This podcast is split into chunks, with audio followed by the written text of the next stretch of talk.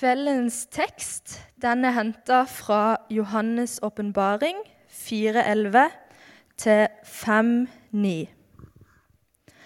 Verdig er du, vår Herre og Gud, til å få pris og ære og makt, for du har skapt alt, ved din vilje ble alt til, skapt av deg. Og jeg så at han som satt på tronen, hadde en bokrull i sin høyre hånd. Det var skrevet både inni og utenpå den, og den er forseglet med sju seil. Da så jeg en mektig engel som ropte med høy røst. Hvem er verdig til å åpne boken og bryte seilene? Men verken i himmelen eller på jorden eller under jorden var det noen som kunne åpne boken eller se i den. Da gråt jeg sårt, fordi ingen var funnet verdig til å åpne boken eller se i den. Men en av de eldste sa til meg, Gråt ikke, for løven av Judas stamme, Davids rotskudd, har seiret og kan åpne boken og de sju seilene. Og jeg så et lam som sto midt på tronen, mellom de fire skapningene og i kretsen av de eldste, og det så ut som lammet var slaktet. Det hadde sju horn og sju øyne, og øynene er Guds sju ånder som er sendt ut over hele jorden. Lammet kom og tok imot bokrullen fra den høyre hånden til ham som satt på tronen. Da det tok boken, falt de fire skapningene og de 24 eldste ned for lammet. Hver av dem hadde en harpe og gullskåler fulle av røkelse. Det er de helliges bønner. De sang en ny sang. Verdig er du til å ta imot boken og bryte seilene på den. For du ble slaktet, og med ditt blod har du frikjøpt for Gud mennesker av alle stammer og tungemål, av alle folk og nasjoner. Og så vil jeg lese fra Jakobs brev 1.27. En gudsdyrkelse som er ren og feilfri for Gud, vår Far, er å hjelpe enker og foreldreløse barn i deres nød og ikke la seg flekke til av verden. I dag skal jeg få snakke om gudstjenesten. Og I tillegg så har vi lest denne teksten fra Johannes' åpenbaring. Så ja, både temaet kan jo være litt rart, og teksten er jammen litt rar, den òg. Eh, men det det blir i dag, er ganske liksom, konkret undervisning om gudstjenesten som jeg tror kan være viktig for oss som fellesskap i Misjonssalen. Og så kan det være noen ting som du tenker er selvfølgelig for deg, og som du har hørt mange ganger før. Og så kan det være noen ting som er helt nytt. Og så håper jeg at du vil være med på å dykke ned i dette temaet her med nysgjerrighet. Gudstjenesten er en naturlig del av ethvert trosliv. Å samles for å lovprise Gud, for å be, for å feire nattvær, lytte til forkynnelse, lytte til vitnesbyrd. Det har de kristne gjort gjennom hele historien. Her i Misjonssalen så ser gudstjenestene litt forskjellige ut fra gang til gang. De er forskjellige mellom lørdag og søndag, men de er litt forskjellige fra gang til gang også. Og Det er for at vi tenker at det skaper en god dynamikk, en god flyt, for samspillet mellom liksom de som leder gudstjenesten, leder lovsangen, de som taler, og det som faktisk skal gjøres i gudstjenesten, ved at vi får være med å forme det til hver enkelt gang. Og så jobber vi samtidig med å heve bevisstheten hos, hos oss alle som arrangerer gudstjeneste her, på hva det er vi gjør i gudstjenesten på å bruke alle de mulighetene som ligger der. Så er det sånn at Når det gjelder form og sangvalg og liturgi, altså ferdig utforma ord, karismatikk osv., så, videre, så gir vi altså ganske stor frihet til møteledere, lovsangsledere, talere. Samtidig så tar vi utgangspunktet i en litt sånn lavkirkelig bedehuskultur. Jeg veit ikke hvor du kommer fra, men det kan godt hende at det er noe du kjenner igjen sånn sett. Og så har det etter hvert vokst fram en litt sånn lavkirkelig gudstjenestetradisjon også.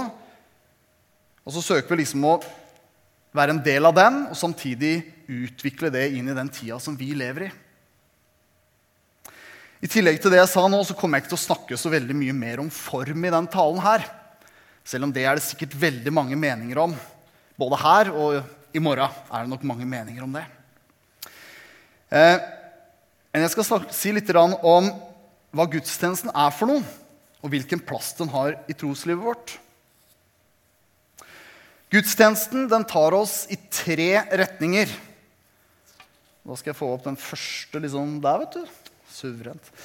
Eh, Gud tjener oss.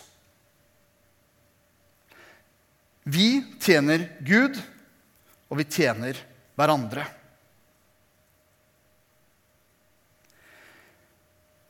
Det er den allmektige Gud med sin sønn Jesus Kristus, som har gitt oss selve livet. Det er han vi samles for å feire. Vi har en Gud som er hellig, allmektig, rettferdig, kjærlig, som er skaper, som ble menneske, og som kom til soning for våre synder. Ja, han som er verdens frelser. Og Gudstjenesten er til for at vi som den kristne kirke skal få komme innenfor Guds trone og lovprise Han. Og så er den også til for at vi skal få samles og gjøre praksiser som konkretiserer og minner oss om hva Gud har gjort for oss. Og så er det sånn at vi har praksiser som ikke bare konkretiserer, men hvor vi ut fra de løftene som vi har i Bibelen, kan tro at Gud faktisk handler. Det er ikke bare eksempler. Det er at Gud faktisk handler her i gudstjenesten som vi er på. Og hvilke praksiser er det her? Dette kan, det kan jo være et ord, sånn litt sånn teknisk ord. Eh, jo, det er mange praksiser, og jeg skal komme til de. Men det er hele veien, i disse praksisene så vil dere se at det er hele tiden en veksling. Det er en veksling mellom det jeg sa i stad, på at Gud tjener oss, eller Gud kommuniserer med oss. At vi tjener Gud, kommuniserer med Gud. Og at vi tjener hverandre eller kommuniserer til hverandre.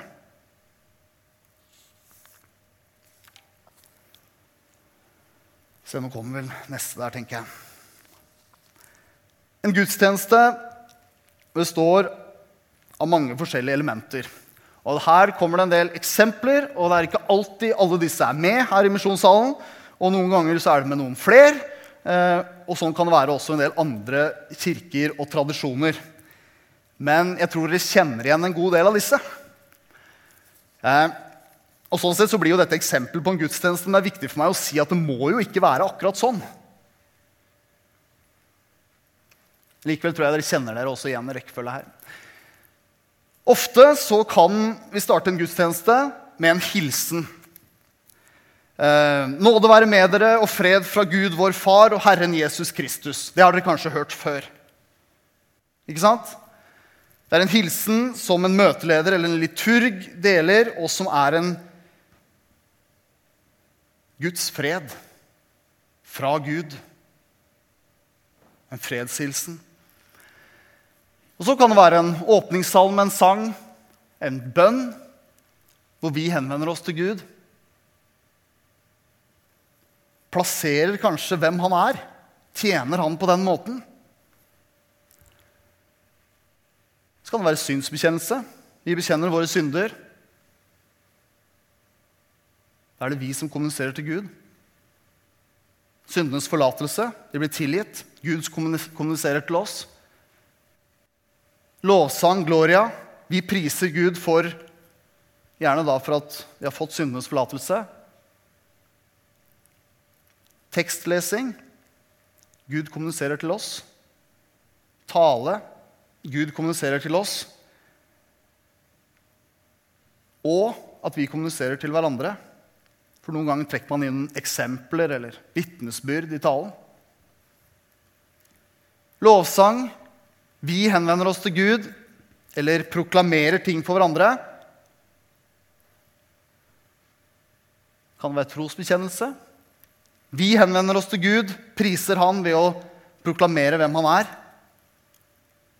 Og vi proklamerer overfor hverandre. Kan vi være i forbønn? Kan vi gi et offer, en gave? Og dette her er gjerne ting som altså trosbekjennelse og lovsang etter talen, forbønn, offer, er gjerne responser på ordet som vi har fått høre. At vi helt konkret kan få lov til å respondere på det. At ikke vi er passive. Herrens bønn, nattverdsinnstiftelse Hvordan Gud gjennom brødet og vinen kommuniserer med oss, tjener oss. Så er det sendelse. Velsignelsen kjenner vi til. Gud kommuniserer med oss. Det kan være en hilsen, det kan være 'gå i fred, tjen Herren med glede'. Hvor vi sendes ut. Det kan være en sendelsessalme til slutt. På den måten så er det en veksling hele veien. ikke sant? Å være på en gudstjeneste er ikke et show, det vet dere jo. Det er en veksling hele veien om at Gud mellom at Gud tjener oss, at vi tjener ham og tjener hverandre. Og så er det også en litt sånn større bevegelse gjennom gudstjenesten jeg tenker at det er viktig å få tak i. Vi leser noen vers fra Jesaja. Som hvis dere har vært der noen ganger i høst, så har dere sikkert hørt meg lese de versene før. Og det er fordi at vi er så innmari bra. I det året da kong Usia døde, så jeg Herren sitte på en høy og opphøyd trone, og kanten på kappen hans fylte tempelet. Serafer sto overfor ham. Hver av dem hadde seks vinger. Med to dekket i ansiktet, med to dekket i føttene, og med to fløy de. De ropte til hverandre. Hellig, hellig, hellig er Herren Sebaot. Hele jorden er full av Hans herlighet. Røsten som ropte, fikk boltene i dørtersklene til å riste, og huset ble fylt av røyk. Da sa jeg, ved meg, det er ute med meg, for jeg er en mann med urene lepper, og jeg bor i et folk med urene lepper, og mine øyne har sett kongen, Herren over hærskarene. Da fløy en av serafene bort til meg. I hånden hadde han en glo som han hadde tatt med en tang fra alteret. Med den rørte han ved munnen min og sa, Se, denne har rørt ved leppene dine. Din skyld er tatt bort, og din synd er sonet. Da hørte jeg Herrens røst. Han sa, Hvem skal jeg sende, og hvem vil gå for oss? Og jeg sa, Jeg, send meg. I denne teksten her så får Jesaja et møte med Guds hellighet. Og disse serafene, eh, de lovpriser Gud. Så faller han på kne og bekjenner syndene sine. Så blir han reist opp igjen for syndenes tilgivelse. Så taler Gud, og Jesaja får mulighet til å respondere. Så blir han sendt ut. Ser dere likheter?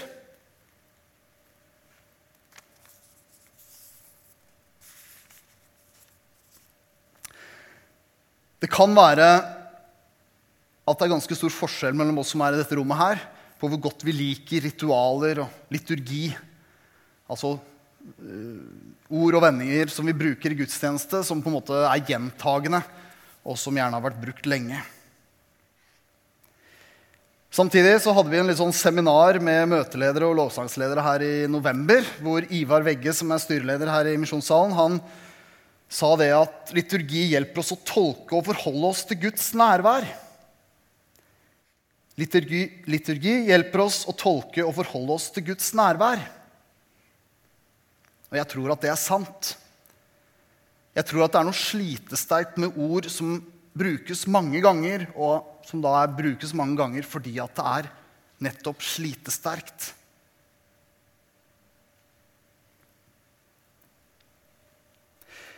Så har vi dagens tekst fra Johannes' åpenbaring. Johannes får et glimt av himmelen. En dør er åpnet, står det litt før de versene som vi leste i stad. Det han ser, er tilbedelse og lovprisning. Han ser fire skapninger og 24 eldste som priser, ærer og takker. De synger 'Hellig, hellig, hellig er Herren Gud, den allmektige, Han som var, og som er, og som kommer'. Så i de versene vi leste, så, så synger de 'Verdig er du, vår Herre og Gud, til å få pris og ære og makt', for du har skapt alt. Ved din vilje ble alt til skapt av deg. Altså Gud prises, æres, takkes for at han er hellig, for at han er allmektig, for at han er, var og kommer, og at han er skaper. Så er det denne passasjen med at det er denne bokrullen, at ingen er verdige, og at Johannes gråter for at ingen er verdig til å ta den imot og åpne den. Så sier en av de eldste, gråt ikke, for løven av Judas stamme, Davids rotskudd, har seiret og kan åpne boken og de sju seilene. Så er det jo kanskje de rareste setningene at Johannes selv ser lammet, og at det ser slaktet ut, og at det tar imot bokrullen. Så synger det igjen 'Verdig er du til å ta imot boken' og bryte seilet på den. For du ble slaktet, og med ditt blod har du frikjøpt for Gud mennesker av alle stammer, tungemål, av alle folk og nasjoner. Jesus prises, æres og takkes for sin verdighet, sitt offer, for frikjøpet, for frelsen av alle stammer, folk og nasjoner. Gudstjeneste, worship, som man gjerne bruker på engelsk. Tilbedelse. Vi hengir oss til Gud. Hengir oss til Gud, søker, utforsker, praktiserer tro og tilbedelse. Søker, utforsker. Det betyr ikke at vi trenger å kunne alt. At vi trenger å gjøre alle ting helt riktig, strekke, rekke opp hånda eller strekke hånda i været akkurat på det riktige punktet, eller at dette skal være noe som vi på en måte kan. Nei, vi hengir oss til Gud. Så søker vi og utforsker, og det gjør vi sammen. Hvorfor drar jeg fram disse tekstene fra Jesaja og fra Johannes' åpenbaring som på denne måten her? I gudstjenesten så søker vi å skape likhet mellom det vi gjør i gudstjenesten, og hvordan vi forestiller oss at ting er i Guds nærvær.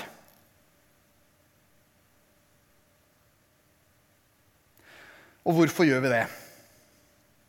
Jo, det er nettopp pga. det jeg akkurat sa. At vi søker, utforsker og praktiserer tro og tilbedelse. Og at vi prøver å gjøre det sånn som Bibelen lærer oss.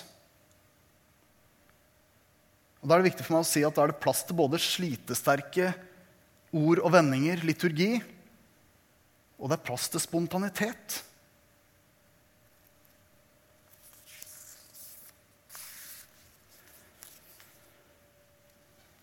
Og da kommer jeg kanskje til det spørsmålet som ja, Kanskje du sitter med det, eller kanskje i hvert fall det, kanskje det spørsmålet jeg en del ganger har fått om hva vi egentlig gjør på en gudstjeneste. Og om det faktisk da er et genuint møte med Gud. Guds hellighet, eller vi hører, om vi hører Guds stemme. Og ofte når jeg får sånne spørsmål, så er det en slags oppgitthet eller en tristhet kanskje mer enn en oppgitthet. Og hva er mangelen på akkurat det?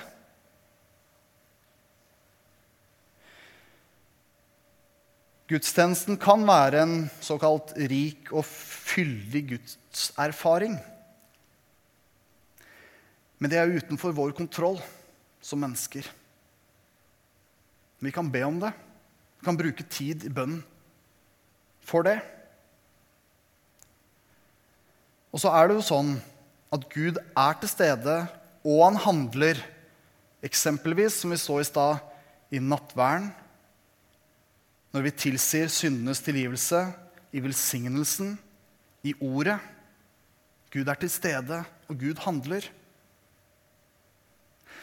Men så lengter vi kanskje etter noen ganger et litt sånn ikke planlagt møte med Gud. At Den hellige ånds kraft måtte skyller over oss. At det er utenfor vår kontroll.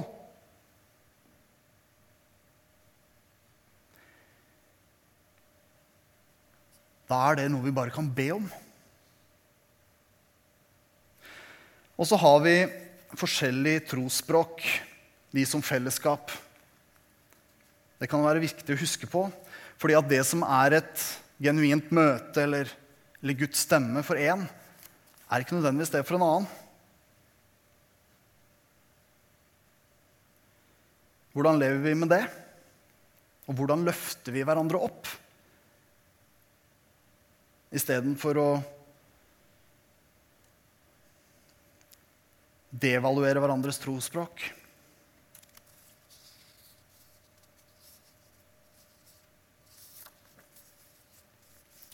Til slutt så skal jeg si litt om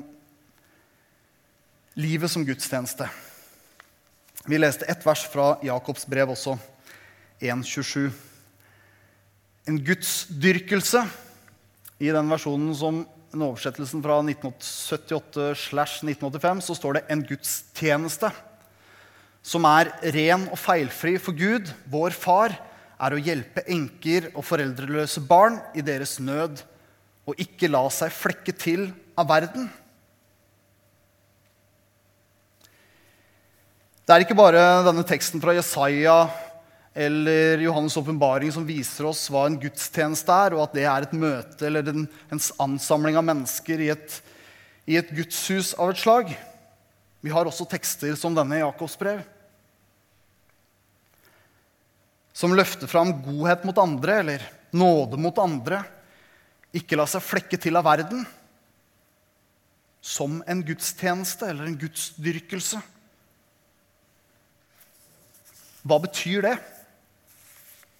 Jo, det betyr at når jeg måker snø for naboen, da er det en gudstjeneste. En tilbedelse av Gud. Helt konkret. Når jeg velger å omtale andre mennesker for det positive de er, og det positive de gjør, istedenfor det sladderet som jeg veit om, da er det en gudstjeneste og en tilbedelse av Gud. Og når jeg oppfører meg som en idiot på fotballbanen, kjefter og provoserer, da skyver jeg fra meg muligheten til en gudstjeneste, til å tilbe Gud.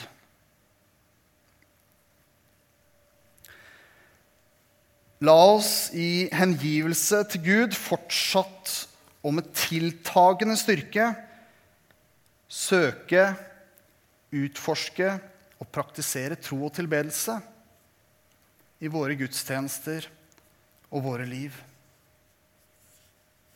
Vi ber sammen.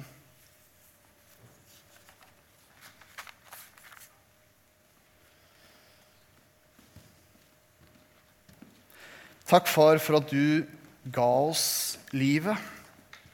Takk for at du sendte din sønn til soning som offer.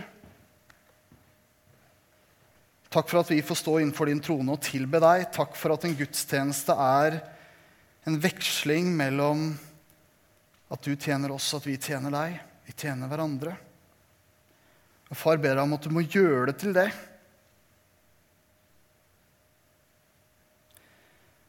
Takk for at du er her, og takk for at du handler. Takk for at du setter oss i stand til å tjene hverandre. Vi ber om at gudstjenestene våre skal være kommunikasjon med deg. Kommunikasjon fra deg, tilbedelse av deg. Her i misjonssalen. Vi ber om at livet våre skal være en gudstjeneste, skal være en tilbedelse.